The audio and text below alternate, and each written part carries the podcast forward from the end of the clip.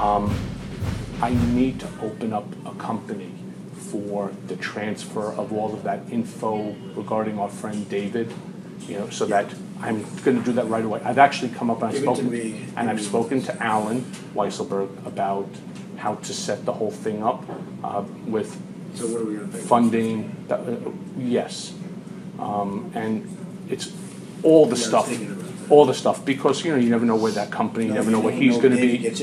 Correct. So I'm, I'm all over that. And I spoke to Alan about it when it comes time for the financing, which will be, Listen, what financing? we'll have to pay you, so. Don't pay with cash. No, no, no, no, no, no, I got, Ja, we horen hier Donald Trump in gesprek met zijn advocaat slash fixer Michael Cohen. En ze hebben het hier over een betaling aan Stormy Daniels, de dame die ze stil willen houden.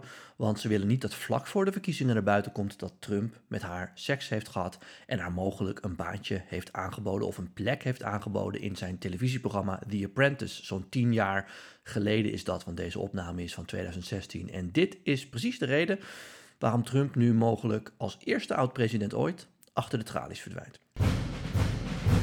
Ja, als, als, als, als, als moet ik erbij zeggen, want zo een vaart zal het allemaal niet lopen. Eh, het is allemaal vrij ingewikkeld, maar ik ga het proberen uit te leggen. Eh, eerst even eh, wat we hier horen. We horen dus Michael Cohen, de advocaat slash fixer van Trump. Iemand die altijd moeilijke problemen van de president uit de weg probeerde te ruimen. Dus een grote, brede, Tony Soprano-achtig figuur die dan even naar je toe komt en zegt van... eh, Ehm, eh, ik spreek namens Trump en eh, j- jij moet je mond houden en eh, wil je geld hebben? Nou, hier is dan dat geld. Zo'n type is het. En die noemt hier Allen en David onder andere. Nou, Allen is Alan Weisselberg, dat is de Chief Financial Officer van de Trump-organisatie. Althans, dat was hij. Inmiddels is die ehm, achter slot en grendel verdwenen. En eh, David Packer wordt genoemd, David. En dat is een vriend van Trump, maar was destijds ook eh, verantwoordelijk voor het grootste roddelblad van, de van Amerika, The National Enquirer. Nou, en die komen hier allemaal samen, want wat is er nu gebeurd? Eh, de dame waarmee Trump seks heeft gehad, Stormy Daniels, ehm, wil haar verhaal verkopen. Daar heeft ze al eh, een paar keer media voor benaderd om dat te doen. Zij hebben elkaar ontmoet tijdens een golftoernooi in 2006.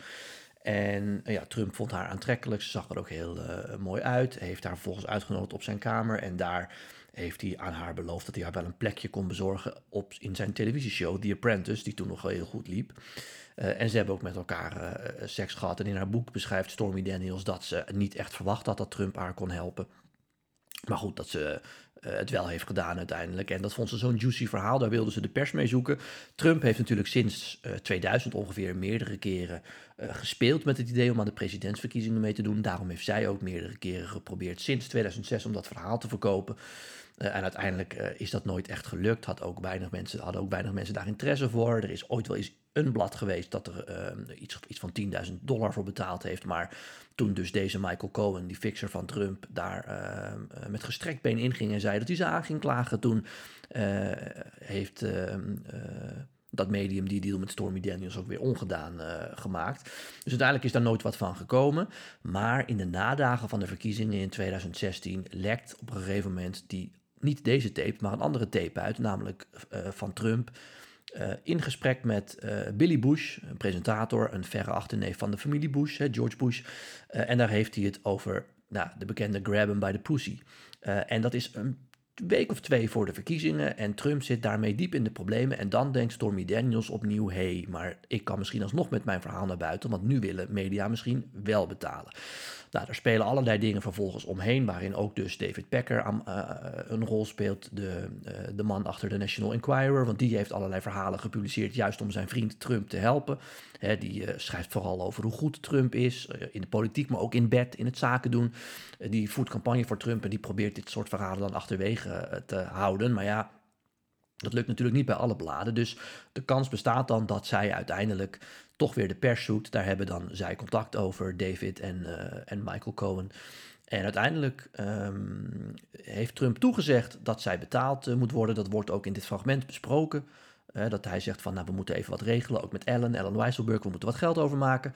En dat duurt dan te lang. En Stormy Daniels vertrouwt het niet en die denkt van ja, volgens mij proberen ze maar aan het lijntje te houden tot en met de verkiezingen en gewoon tijd te rekken. Ik ga mijn verhaal alsnog verkopen. En dat is het moment dat Michael Cohen in actie komt en gewoon zelf het geld overmaakt. En die betaalt haar 130.000 dollar. En later zou Alan Weisselberg hem dan weer terugbetalen namens, namens de Trump-organisatie. nou, en wat is nu hier illegaal aan? Kijk, het is niet uh, illegaal om uh, hush money te betalen. Hush money heet dat in Amerika, uh, beter gezegd. Dat je dus iemand betaalt om um, te zwijgen. Dat, dat is helemaal niet illegaal. Maar wat illegaal hieraan is, is dat het in de boeken A verbergd, verborgen is. Dus er is inderdaad zwijggeld betaald. Maar dat staat in de boeken van de Trump-organisatie, in de financiële gegevens, als juridische kosten. Nou, dat mag dan niet. En in New York uh, zijn ze heel stevig aan het kijken naar wat de Trump-organisatie allemaal wel of niet doet. En uh, uh, gaan ze hier dus mogelijk juridisch actie, juridische actie ehm, overnemen. Dat zal moeten blijken. en wat ook nog eens illegaal is, en daar kan, dit, daar kan dit eventueel ook toe leiden, dat ehm, als dit gedaan is, en daar lijkt het natuurlijk op, omdat dit stil moest blijven zo vlak voor de verkiezingen, dan is, dit, dan is het geld wat Michael Cohen aan haar betaald heeft, dus eigenlijk een, een campagnecontributie aan Trump. Nou, die zou dan gemeld moeten worden, dat is niet gebeurd. En de, de uitgave die vervolgens gedaan wordt om Michael Cohen die 130.000 dollar terug te betalen, uh, dat is dan een campagneuitgave. En ook die is dus niet vermeld. Dus het is um, um, verkeerd opgeschreven in de boeken. Dat mag niet, dat is illegaal. Het is proberen, hè, ze hebben het proberen te, te, verbergen. En tegelijkertijd zijn de campagneregels niet in acht genomen. Die twee uh, dingen die hangen Trump boven het hoofd. Maar het, eerste is het belangrijkste, want daar gaat de staat New York uh, vooral over. Want die kijken dus heel sterk naar de Trump-organisatie die in New York, in Manhattan, gevestigd is. Dus daar gaat deze zaak uh, uiteindelijk over. En de reden dat ehm, we mogelijk daar deze week een ontwikkeling in zien, er zijn twee redenen voor aankomende week. De eerste is dat Amerikaanse media al een tijdje um, um, bronnen uh, noemen die zeggen dat het dus mogelijk de komende uh, dagen, deze maand ergens, op een ja, aanhouding, tot een aanhouding zou kunnen leiden. Dat Trump dus uh, gearresteerd wordt, uh, fingerprints uh, moet nemen en een verklaring zou moeten afleggen. Dat kan hij dan vervolgens wel of niet doen. En daarna zou daar een rechtszaak over kunnen komen. En het is nu Trump zelf geweest natuurlijk dit weekend. Die heeft gezegd, ik word dinsdag gearresteerd. Nou, we weten niet of dat zo is, maar dat komt in ieder geval redelijk overeen met wat je in de Amerikaanse media leest. Namelijk dat hij ergens deze dagen opgepakt zou kunnen worden. Maar goed, dan hebben we het natuurlijk over een aanhouding. Um, en vervolgens moet dat hele juridische traject als een beloop uh, uh, nemen. Um, eerst nog even terug, want um, dit gaat dus om die zaak Stormy Daniels. Mijn mening is dat het klein bier is. Want uh, het gaat hier over wat ik al zei, uh, dingen die niet goed zijn opgeschreven en mogelijk uh, zijn de campagneregels niet goed in acht genomen. Maar goed, dan, hadden ook, dan had ook de federale commissie die daarover gaat al lang actie kunnen ondernemen en dat hebben ze niet gedaan. Dus dan, waarom zou je dat aan de staat New York overlaten? Dat is een beetje gek. Het is ook een groot risico, want ehm, Trump gaat natuurlijk nu al ehm, enorm vol op het orgel uh, richting uh, deze democratische aanklager in New York, die hem dus nu mogelijk uh, voor het gerecht sleept. En dat snap ik ook, want kijk, een, een, een, een, een rechtszaak uiteindelijk hè, en een mogelijke arrestatie van Trump is goed voor Trump. Want dat zorgt dat zijn supporters nog meer achter hem gaan staan. Alleen tegelijkertijd vindt Trump het ook vreselijk, want hij heeft ook gezien hoe zijn voormalige uh, financiële man Alan Weisselberg in boeien is afgevoerd. Hè, en uh, dat er ook zo'n mugshot van hem is gemaakt en dat hij zijn vingerafdruk moet geven. En Trump, die weet net als wij dat allemaal weten, dat dat historische beelden worden die nooit meer uit te wissen zijn. Dus Trump zit er ook helemaal niet op te wachten en vindt dat vreselijk. Het gruwelt ervan. Maar ja, hij zit nu helemaal in die tweespalt. Het is goed voor mijn campagne. Maar ik wil het liever helemaal niet. Maar ik denk toch dat het op me af gaat komen. En dus neem ik maar de stap naar voren. En dus doe ik à la 6 januari een oproep aan al mijn uh, mensen om mij te komen steunen. En om te komen demonstreren. Hè, om achter mij te blijven staan. En dus ja, de, calculatie van Trump is, en die snap ik wel. Als het dan toch gaat gebeuren, dan gebruik ik het maar in mijn voordeel. En ga ik maar op de troepen vooruit lopen. En daarom heeft Trump dat bericht geplaatst over die. Uh, mogelijke arrestatie die volgt. Dat hebben we ook gezien bij de geheime documenten die in Mar-a-Lago uh, zijn gevonden. Ook daarvan uh, uh, vond er midden in de nacht zo'n uh, inval plaats. De media wisten daar niks van. En toen is het Trump zelf geweest die dat naar buiten heeft gebracht. Met andere woorden, het komt toch wel naar buiten. Laat ik het dan maar zelf brengen en de vlucht naar voren nemen. Maar goed, ik zeg dus al, volgens mij is het klein bier. Het gaat om dingen niet goed in je bedrijf registreren en mogelijk campagneregels een beetje breed interpreteren. Wil niet zeggen dat het natuurlijk goed is wat er gebeurd is, maar als je ziet welke andere dingen er nog spelen rondom Trump, dan vind ik het nogal een groot risico om Trump hier voor het gerecht uh, proberen te slepen, uh, terwijl er mogelijk nog veel grotere rechtszaken uh, dienen. En als dit zometeen voor een rechter voorkomt en Trump komt vrij, ja, heb je dan je zin. Dan heb je Trump misschien extra lucht gegeven, hè? heb je zijn campagne een extra boost gegeven voor iets heel kleins, wat ook al jaren geleden gebeurd is. Hè? Want dat is ook iets wat hier heel gek aan is. De timing is natuurlijk rijkelijk Als je Trump echt had willen aanpakken op wat er gebeurd was, nou, dan kan ik me voorstellen, dit gebeurde vlak voor de presidentsverkiezingen van 2016. daarna wordt Trump dan president, dan is het lastig om hem hiervoor aan te pakken. Maar dan had je op de eerste dag natuurlijk dat Trump eenmaal weg was uit het Witte Huis. en Biden is geïnaugureerd, Trump zit in Florida, dan had je hem toen moeten aanpakken. En om hier nu nog mee te komen, ja nogmaals, volgens mij is het klein bier, is het risico heel groot, want het kan ook kaart in je gezicht als een boemerang terugkomen. Komen, en is het rijkelijk laat. Um, en, en, en ja, dat, dat kleine bier, om dat nog even toe te lichten. Kijk, um, er hangen verschillende juridische wolken Trump boven het hoofd, juridische bedreigingen. Dat is dus deze. Dat gaat dus over uh, het zwijgeld verkeerd registreren en mogelijk dus ook campagneregels aan je laars lappen. Dit lijkt mij de minst kleine. Ik zal ze even opnoemen in, in volgorde van onbelangrijk naar heel belangrijk. Dit lijkt mij de meest onbelangrijke. Maar goed, uh, daar raak ik niet over. Uh, maar ik denk dat dit een heel groot risico is. Laat ik me dan maar even diplomatiek uitdrukken. Tweede, Um, wat Trump mogelijk boven het hoofd hangt in juridische zin, dat is natuurlijk wat er gebeurd is in Mar-a-Lago met die documenten. Ook daarvan denk ik uiteindelijk dat dat met een sisser af gaat lopen. Heb ik ook in een eerdere podcast uh, behandeld. Omdat ja, uh, Trump is. Uh, de situatie van Trump is weliswaar anders dan die van Biden of Mike Pence bijvoorbeeld. Maar meerdere politici zitten hiermee in hun maag. Dus ik denk dat Trump hier dan niet voor gekapiteld gaat worden. Dan is er nog in New York een bredere zaak die gaat over de bedrijfsvoering van Trump. Waarin even lang verhaal kort hij ervan wordt beschuldigd. En dat lijkt ook het geval te zijn dat hij bijvoorbeeld heeft gezegd, hè, als hij een huis heeft, Mar-a-Lago, om maar weer even Mar-a-Lago als voorbeeld te nemen, dat, is dan, dat wordt geschat op iets van 75 miljoen dollar waarde. En Trump zegt dan uh, dat is 750 miljoen dollar waard. En daarmee had hij weer gehoopt om andere leningen te krijgen. En daar wordt hij ook van in New York momenteel beschuldigd. En dat zijn ze aan het onderzoeken. En dan hangt vervolgens nog, en daar wordt het denk ik uh, um, een stuk uh, juridisch gevaarlijker voor Trump, hangt hem nog de rechtszaak boven het hoofd in Georgia waarin hij heeft geprobeerd mensen onder druk te zetten die over het stemmen tellen uh, gingen. En hè, daar komt ook dat, die andere geluidsopname die we allemaal kennen vandaan. Je, je moet gewoon 11.000 stemmen voor me vinden, maakt niet uit waar ze vandaan komen. En de laatste juridische wolk die boven hem hangt, dat is de belangrijkste denk ik ook, is wat er allemaal op 6 januari is gebeurd. En um, en in hoeverre hij daarvoor verantwoordelijk is. Hè. Heeft hij een demonstratie aangezwengeld tegen congresleden en heeft hij ervoor gezorgd dat hij uit de hand liep? Of heeft hij zelfs nog veel erger een koep geprobeerd te plegen? Nou, al die dingen spelen nog en dan is dus wat er nu gebeurt, waarvoor hij mogelijk de aankomende week aangehouden wordt, ja, dan is dat ontzettend klein bier. En, en nogmaals, het is ook een groot risico om het zo te doen en het ook nog eens rijkelijk laat. Dus uh, ik hoop dat ik hiermee een beetje context heb geschetst in A, wat is er precies aan de hand? Nou, het gaat dus over die betaling aan Stormy Daniels. Maar B, ja, er lopen nog heel veel andere rechtszaken. En als je die allemaal bij elkaar neemt, dan is dit toch wel de meest, uh, ja, de minst belangrijke.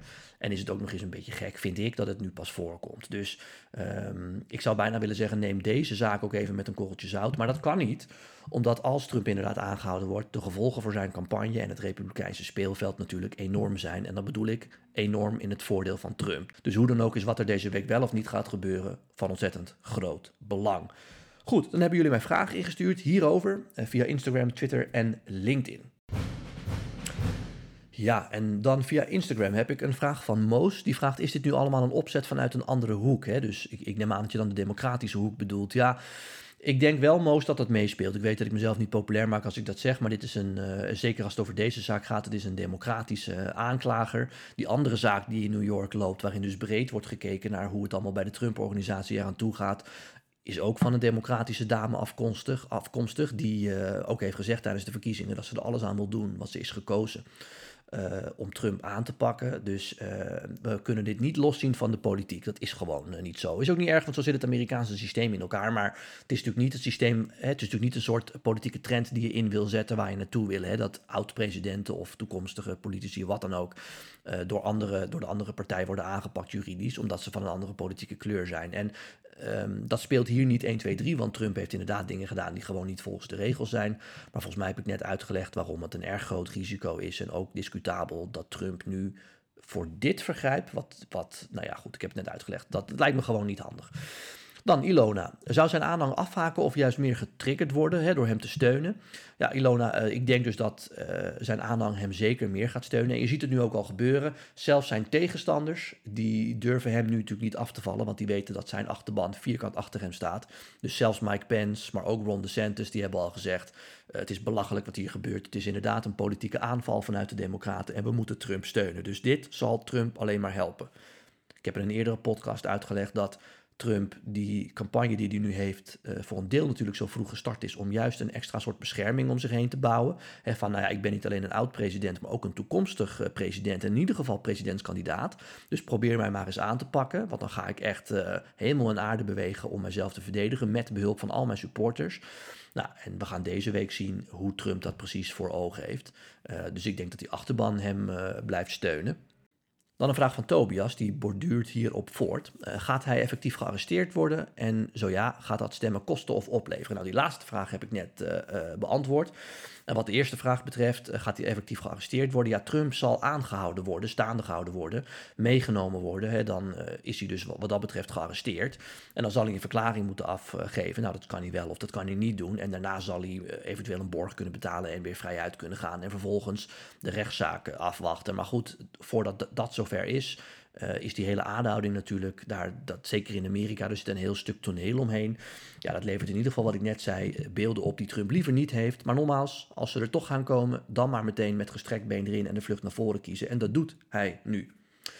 Sil vraagt, komt deze arrestatie niet een beetje uit het niets? Nou ja, Sil, ja en nee. Dit speelt dus al jaren, maar ik heb ook net uitgelegd waarom ik het wel gek vind dat het nu ineens komt. Er zullen allerlei redenen voor zijn, maar nogmaals, ik vind, had je hem hiervoor willen aanpakken, had je dat jaren terug moeten doen. En in zoverre komt hij wel uit het niets, maar we weten wel ook dat ze hier al heel lang mee bezig zijn. En dan de laatste vraag tot nu toe nog van Peggy. Die vraagt wanneer zit je weer op de kruk bij VI? Nou, met een week als deze, waarin dit allemaal gebeurt, zit ik deze week weer bij VI. Maar we kijken ook even naar het nieuws. Dus uh, welke dag weet ik nog niet. Maar uh, het zal één van deze dagen zijn. Ik zit in ieder geval aanstaande maandag weer bij half acht. En mogelijk ook nog een ander programma om dit toe te lichten. In ieder geval ben je voordat het zover is, hopelijk een beetje op de hoogte van. Nou ja, dus A, wat hier precies in deze zaak speelt, waarom het uh, juridisch mogelijk problematisch kan zijn, hoe ik er naar kijk. En B, welke andere zaken er nog aankomen. En ik hoop dat ik duidelijk heb gemaakt dat die van een juridisch en ook politiek groter belang zijn dan deze ene zaak. Maar het is wel de eerste waarbij Trump nogmaals mogelijk de eerste oud-president wordt die uh, opgepakt wordt. En dat daarmee, wat ik ook verder van die zaak vind, is dat natuurlijk ontzettend groot nieuws. En zal het de campagne, in ieder geval zijn campagne en de hele Republikeinse voorverkiezingen de komende tijd gaan domineren.